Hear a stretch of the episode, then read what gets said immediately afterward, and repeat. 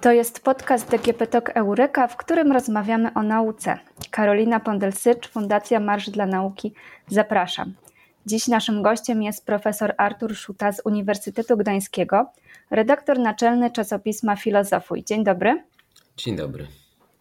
Chciałabym zacząć od takiego popularnego stwierdzenia, że filozofia jest królową nauk.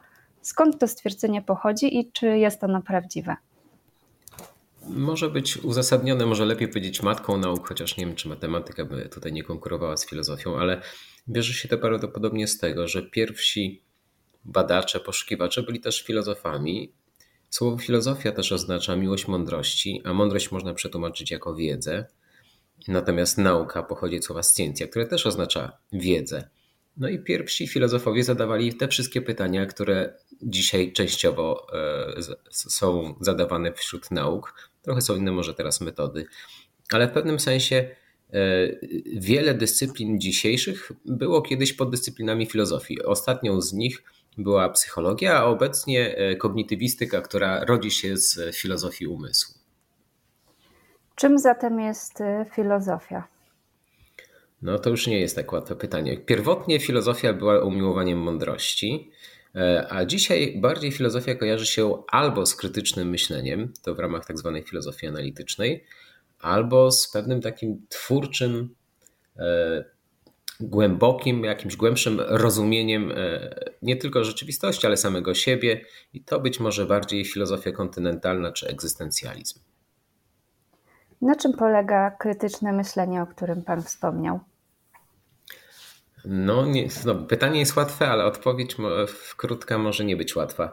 E, zasadniczo prawdopodobnie byłoby, chodziłoby o to, że myśląc krytycznie, zadajemy właściwe pytania wobec jakiegoś problemu, te, tematu, ewentualnie e, czyichś wypowiedzi, czyjegoś stanowiska, chcemy się dowiedzieć, co ktoś myśli, albo jaka jest prawda. E, no i mamy też taką zdolność prześwietlenia racji, które są wysuwane na rzecz tej czy innej tezy. Ogólnie może to się sprowadzać do e, oceny argumentów. Czy one są na przykład poprawne formalnie, to znaczy, czy wnioski wynikają z przesłanek, czy z tych racji, które ktoś podaje, rzeczywiście wynika, że musi być tak, a tak. No i czy ten ktoś e, powołuje się na jakieś prawdziwe przesłanki, bo czasami możemy z fałszywych przesłanek wyciągać wnioski, formalnie poprawne rozumowanie, a jednak możemy popełnić błąd. No to może razie... nie jest odpowiedź mhm. całkowita, ale powiedzmy, że w, w skrócie. W takim razie, kim jest filozof i czym się zajmuje? E, no, filozof zajmuje się praktycznie wszystkim, co jest interesujące, ale stara się spojrzeć na to z jakiejś, e, może nie tyle głębszej perspektywy, co szerszej perspektywy. Jest taka książka dla dzieci, której nigdy nie widziałem, ale dawno temu czytałem jej recenzję. To jest książka Co to jest filozofia? I zaczyna się ona od pokazania, ale dla dzieci, które nie czytają, tylko omawiają obrazki. Pierwszy obrazek, na którym widać jakąś twarz. No i jest pytanie dla dzieci, co to jest? No i dzieci mówią, że to jest dziewczynka uśmiechnięta. Czy aby na pewno? Tak, wydaje się, że są oczy, nos, usta, jest uśmiechnięta. I potem e, jest prze... przekładamy na następną stronę tę książkę, na której widać tę samą twarz, ale w szerszym kontekście. Okazuje się, że jest to twarz lalki, którą trzyma jakieś dziecko na rękach. No i teraz dzieci widzą, że to, co na początku z węższej perspektywy wydawało się być twarzą dziecka, jest twarzą lalki, więc popełniły błąd. No i teraz pytanie, czy już wiecie, co to jest? No i te dzieci mówią, tak, to jest e, dziewczynka z lalką teraz, widzimy wyraźnie, tamta twarz była twarzą lalki. Czy aby na pewno? Tak, na pewno. Przekręcamy stronę i na przekręconej stronie okazuje się, że to nie jest dziewczynka z lalką, tylko to jest ilustracja dziewczynki z lalką, która jest w książce trzymanej przez e, jakąś kobietę, która czyta tę książkę dziecku w łóżku. No i ta historia dzieje się dalej. E, przedostatnia strona tej książki to jest fotografia czy ilustracja całego wszechświata, jaki jest nam do tej pory znany. E, no i pytanie, czy wiemy, co to jest? I ostatnia strona jest ciemność i znak zapytania. No i teraz filozofia to jest właśnie zadawanie sobie pytań, co czym jest i dlaczego, ale e, w, w taki sposób, żeby ująć tę rzecz w najszerszym możliwym kontekście. Oczywiście ten kontekst jest nieosiągalny dla nas tu i teraz, ale e, próbujemy też ten kontekst odgadnąć, jaki on może być, i stąd tak dużo być może w filozofii jest różnych hipotez, różnych teorii, e, znacznie więcej sporów niż na przykład w naukach szczegółowych, takich jak fizyka czy astronomia. Czy oprócz krytycznego myślenia filozof e, dysponuje też innymi narzędziami do tego, żeby badać ten szerszy kontekst, odkrywać? Znaczy, jedyne narzędzie filozofa to jest jego umysł lub jej umysł, plus e, no, książki, artykuły, czyli to, co wyprodukowały umysły innych, e, innych osób. Owszem, korzysta, korzysta filozof z tego, co jest napisane, powiedziane w innych naukach i próbuje jakoś to głębiej zrozumieć, umiejscowić w takim pełnym obrazie świata. E, niemniej, no może ołówek jeszcze tak będzie takim narzędziem, czy dzisiaj komputer ale innych narzędzi nie ma. Chyba, że myślimy o narzędziach takich mentalnych, w sensie metody, jakimi posługuje się e, filozof. I zasadniczo te metody sprowadzają się do e, analizy, czy to logicznej, czy to analizy językowej. Ewentualnie jest coś takiego jak analiza pojęciowa. No jeszcze możemy powiedzieć o analizie fenomenologicznej, czyli e, takim bardziej głębokim E, analizowaniu pewnych wewnętrznych stanów mentalnych, tego jak nam się pewne rzeczy jawią, jak się nam ukazują. Rozdzielamy to na różne warstwy i szukamy jakichś ukrytych głębiej struktur naszego myślenia czy e, struktur naszego widzenia świata, porządkowania świata. E, no, poza tymi metodami to właściwie mm, cała reszta to już nie jest tak istotna, chociaż oczywiście, czy to będzie ołówek, czy komputer, no też się przydaje. Czy każdy może być filozofem?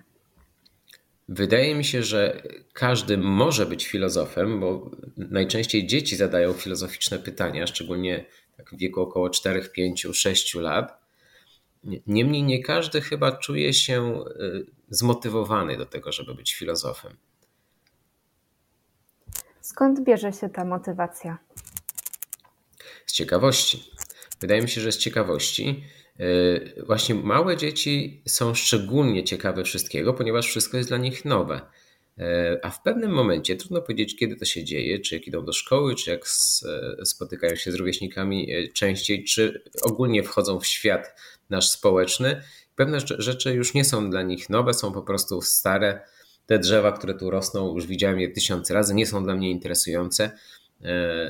To, jak funkcjonuje człowiek, może, może nie wiemy zbyt wiele o nim, no ale jakieś tam mamy już opinie na temat życia i te opinie nam wystarczają, a niektórym nie wystarczają.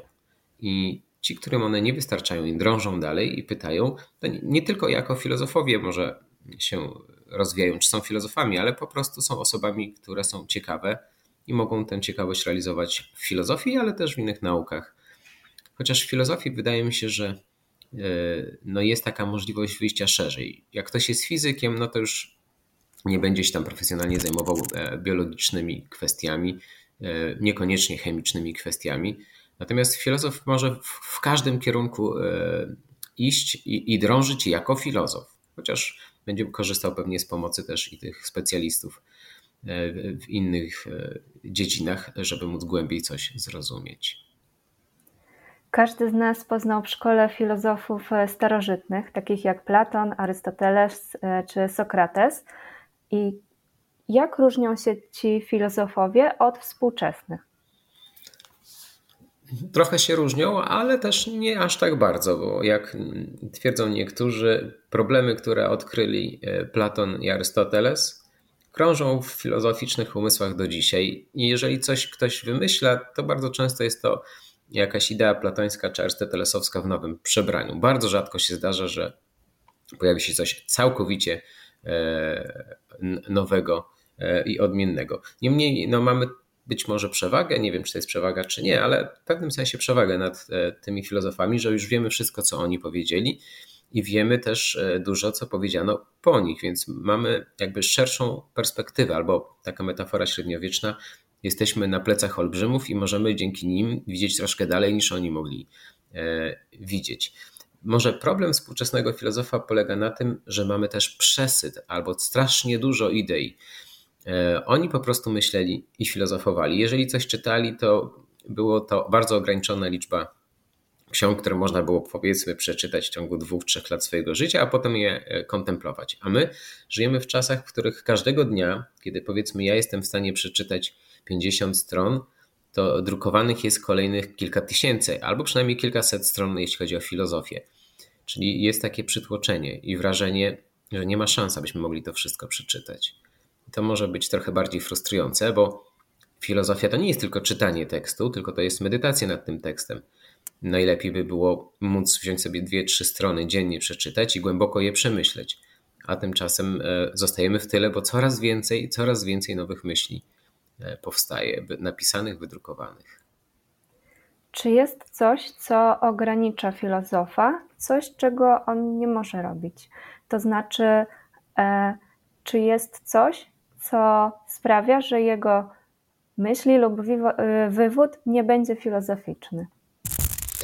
No to są e, metody filozoficzne. Tak? Jeżeli ja będę formował twierdzenia, które będą, nie będą poparte jakimś uzasadnieniem, nie będą poparte e, jakąś drogą opartą o jakąś metodę, niech będzie to analiza pojęciowa, czy analiza językowa, czy analiza logiczna, no to wtedy powstaje pytanie, e, czy to może pretendować do miana filozoficznej koncepcji teorii.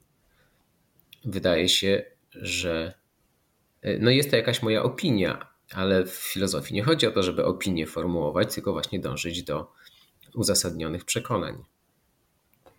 E, Jak, po... mhm. Mhm. Jak powstało czasopismo i portal internetowy Filozofuj? Skąd wziął się ten pomysł?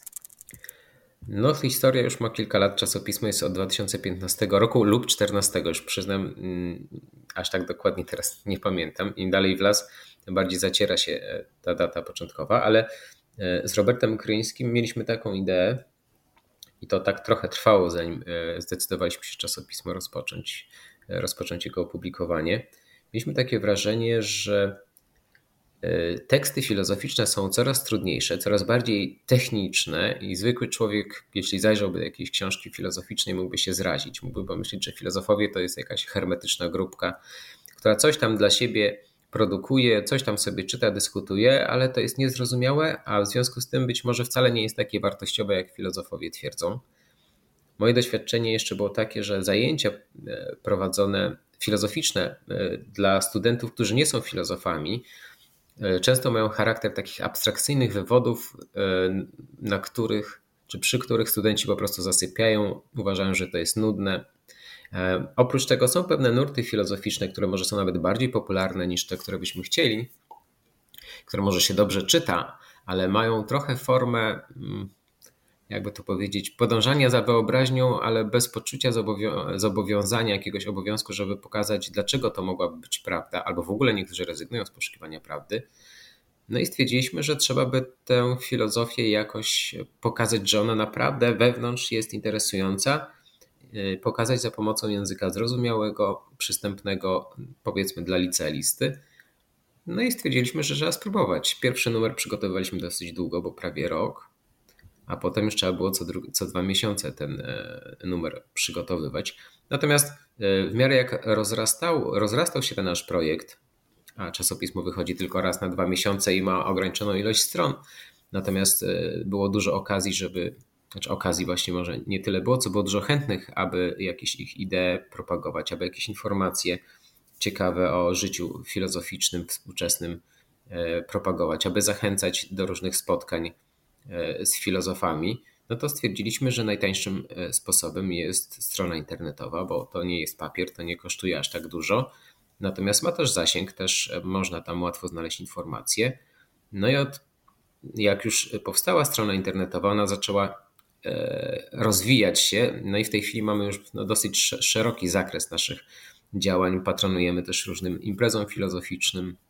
E, mamy też e, na Facebooku swój fanpage. Nasi czytelnicy wymieniają się tam swoimi poglądami. No jest, myślę, że tętni już życiem. Zarówno strona internetowa, jak i no, środowisko naszych czytelników. Myślę, że jest taka grupa, która mogłaby siebie zdefiniować jako stały czytelnik z niektórymi mamy kontakt, bo organizujemy też letnie szkoły filozoficzne e, z młodymi ludźmi z liceów, czasami z, ze szkoły podstawowej nawet się trafiają e, uczestnicy, którzy, kiedy wychodzą, opuszczają tę szkołę, to jest tydzień czasu, to są już tacy zarażeni filozofią i niosą, jeśli mogę tak dalej powiedzieć, niosą dalej wieści o naszym czasopiśmie i zachęcają innych do czytania. Co dzieje się na takiej letniej szkole filozoficznej? Zasadniczo ograniczamy się do krytycznego myślenia, bo jeszcze nie mieliśmy takich innych, większych tematów, ale będziemy się nad tym zastanawiali.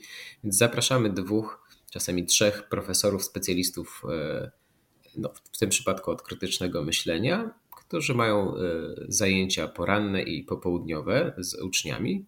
Uprawiamy różne sporty, chodzimy na wycieczki i na tych wycieczkach też dyskutujemy. Jest bardzo, dyskusji jest bardzo dużo. Przy śniadaniu, przy obiedzie, przy kolacji, e, na spacerze. No jak uprawiamy sport, to może jest wyjątek, wtedy jest skupienie na, na samej grze, a niekoniecznie dyskusjach. E, I mam takie wrażenie, że e, ci uczestnicy są bardzo zadowoleni. No, to nie jest tylko wrażenie, oni dają wyraz temu zadowoleniu, ale chyba główna przyczyna jest taka, że ktoś z nimi rozmawia jak równy z równym. Nie są jak uczeń w szkole, który zawsze no, ma takie poczucie, że jest ktoś, kto daje mu do zrozumienia, że wie więcej, że, że ma nad nim, nad nią władzę. A tutaj jest partnerska dyskusja.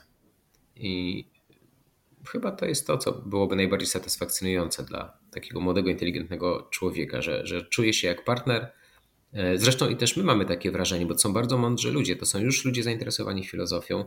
Mam takie wrażenie, że rozmawiam z kimś, kto jest powiedzmy moim kolegą, koleżanką akademickim, z kim wchodzimy jakąś w głębszą, w głębszą dyskusję, a nie, że to jest po prostu ktoś, chce, chce się tylko od nas dowiedzieć, że jest taki jednokierunkowy e, przekaz.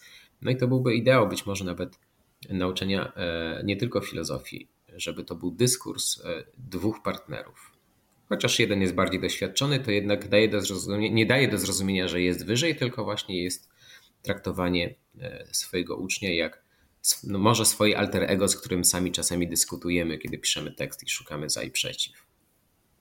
A stali y, czytelnicy portalu Filozofu i jakie to są osoby? Przekrój jest e, różny. Myśmy chcieli trafić przede wszystkim do licealistów na początku, ale ku naszemu zdziwieniu e, osoby dyskutujące, zabierające głos, odzywające się, dające jakiś tam odzew, to były bardzo często już osoby dojrzałe, które po prostu filozofią się już interesowały. Nie sprawdzali, nie robiliśmy ankiety, kto jest w jakim wieku, ale e, widać było, że to są już osoby, które już są zawodowo jakoś ustabilizowane, e, może nawet też i osoby na emeryturze, e, które mają czas i chęci, żeby filozofią się zajmować. A teraz wydaje mi się, że już udało nam się wejść również w te niższe kategorie wiekowe. Tak dokładnie nie, nie śledzę, e, kto jest kto, więc e, statystycznie nie umiałbym tego powiedzieć. Natomiast widzę, że są to już bardzo różne osoby z różnych kręgów i wiekowych, i zawodowych. Mam nadzieję, że licealistów jest coraz więcej. Czy ma Pan jakieś swoje osobiste sposoby na popularyzację filozofii, na to, jak mówić o niej w zrozumiały i ciekawy sposób? No, wydaje mi się, że mam, że już mam pewną metodę. Mam zajęcia wprowadzenie do filozofii na kierunkach niefilozoficznych. I zamiast, znaczy nie, nie przyjmuję takiej metody, że bierzemy, co tam starożytni powiedzieli, co ktoś powiedział, i taki wykład troszeczkę polegający na zarzuceniu y, informacjami, y, wyjaśnieniami. Wydaje mi się, że najlepszą metodą jest uzmysłowić e, studentom lub osobom, które chciałyby e, mnie słuchać bądź czytać, uzmysłowić problem i to z tej perspektywy, gdzie tu i teraz są. Nie słyszeli o Platonie, nie słyszeli o Arystotelesie i jak będę tych dużo nazwisk wymieniał, to może niekoniecznie poczują się zainteresowani.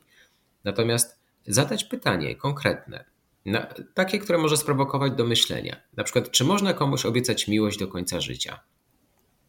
No i padają odpowiedzi próbują je jakoś uzasadniać.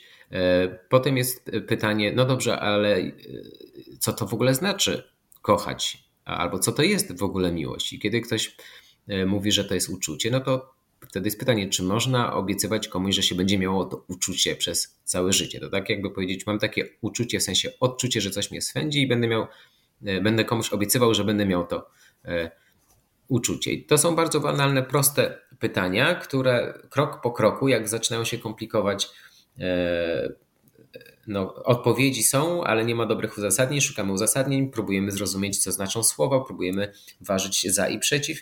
No i wtedy między wierszami gdzieś pojawia tekst pod tytułem A taki argument już sformułował ktoś inny. Nazywał się Platon, a to już powiedział e, ktoś inny, nazywał się Arystoteles albo Kant. E, I wtedy ci uczniowie, czy studenci, czy w ogóle osoby, które wchodzą w taką dyskusję, odkrywają, że to, co ci filozofowie głoszą, to nie jest jak coś z księżyca, coś abstrakcyjnego. Sami do tego dochodzą, może nie do końca tak, tak głęboko jak ci filozofowie, bo dopiero poświęcili pół godziny tematowi, a nie kilkanaście lat swojego życia. Ale wydaje mi się, że jak zaczynamy od pytania, czyli rozbudzamy ciekawość, budujemy motywację, to potem krok po kroku możemy wprowadzać kogoś w świat głębszych, e, głębszej refleksji filozoficznej. A nawet my tego już nie musimy robić. Ten ktoś sam będzie szukał e, głębszych odpowiedzi, bo teraz chce już wiedzieć. Znaczy, mam nadzieję, że to tak właśnie działa, e, tak sobie wyobrażam, że to działa na umysłach tych, których próbuję wciągać w zagadnienia czy w świat zagadnień filozoficznych. Czy ma Pan jakąś swoją ulubioną ideę filozoficzną? No, trudno mi powiedzieć, czy mam ideę. Może problem. E, problem, który mnie interesuje, to jest kim my jesteśmy. Kim jestem ja jako człowiek. Czy e, moja świadomość, mój umysł to jest tylko wypadkowe działanie mojego mózgu? Czy być może jest jakiś tajemniczy element, którego jeszcze my nie zidentyfikowaliśmy, nie odkryliśmy i dzięki niemu ta świadomość jest możliwa, a mózg jest tylko narzędziem, e, czyli pytanie o problem umysłu-ciało. Czy umysł bierze się z tego czegoś bardziej duchowego, powiedzmy z może duszy, ewentualnie czegoś jak dusza, czy jest tylko i wyłącznie pewną funkcją e, wypadkową pewnych zdarzeń mózgowych, ewentualnie cielesnych. Z tym się wiążą inne oczywiście pytania. Pytanie o śmierć, o to, czy śmierć jest końcem egzystencji, E, czy jest czymś dalej, a, a, a w dalszej kolejności pytanie o sens życia, o to, co jest wartościowe. No i można powiedzieć, że ten jeden, jedno pytanie e, rodzi się e, wiele pytań, ale wszystkie jakoś dotyczą człowieka, tego kim, kim, kim on jest. Wydaje mi się, że to jest problem, który mnie najbardziej nurtuje i wciąga. Inne są podporządkowane. Nawet pytanie o granice wszechświata, czy nasz wszechświat jest jedynym wszechświatem, czy istnieją jakieś równoległe światy, czy wszechświat ma swój początek, czy go nie ma. To są rzeczy, które są jakoś podporządkowane temu pytaniu o mnie jako człowieka, o tego, kim e, jestem, bo odpowiedź na to pytanie też wymaga odpowiedzi na pytanie o kontekst, gdzie ja się znajduję, czym jest ten świat, w którym ja żyję i czy on jest e, ostateczną rzeczywistością, poza którą już nic więcej e, nie istnieje. Oczywiście to prowadzi do kolejnego bardzo ważnego pytania, pytania o istnienie Boga. Czy istnieje Bóg lub ktoś taki jak Bóg, e, któremu przypisujemy te, te, cechy, że jest stworzycielem tego świata, albo stworzycielem również nas samych, albo jest ostateczną gwarancją tego, że prawo moralne obowiązuje, e, a może nie jest potrzebny do tego, żeby prawo moralne obowiązywało. Więc tych pytań mnoży się, ale one wszystkie są wokół, e, wokół pytania o nas samych. Czy odpowiedzi na te pytania lub argumenty e, za e, różnymi tokami myślenia, jeżeli chodzi właśnie o ten kontekst, o którym Pan wspomniał, możemy znaleźć na portalu e, Filozofuj? Owszem, znaczy najlepiej jest szukać w numerach filozofii, które też na portalu są w PDF-ach, w PDF-ach dostępne za darmo, nie trzeba za nie płacić. Każdy numer ma swój e, wątek główny, główne pytanie, które na okładce jest widoczne, a ikonki okładek są poukładane jedno obok drugie, więc można sobie przeglądać i zastanawiać się, który temat wybrać. Niemniej też mamy e, publikacje, które są już na samym portalu. E, tam chwila wystarczy, by zorientować się, jak jest poukładany, jak jest podzielony tematycznie portal, jakie tam są podzbiory e, różnego rodzaju. Tam jest miejsce i na teksty filozoficzne, i na informacje. Ale jeśli chodzi o teksty, to myślę, że naj, e, najwięcej można skorzystać czytając e, kolejne numery. I te wątki, te pytania, które tutaj wymieniłem, w większości były już przedmiotami naszych publikacji. W takim razie zapraszamy do czytania czasopisma Filozofuj i odwiedzania portalu. Dziękuję bardzo za rozmowę. Dziękuję. Gościem podcastu DGP Talk Eureka był profesor Artur Szuta, redaktor naczelny czasopisma Filozofuj.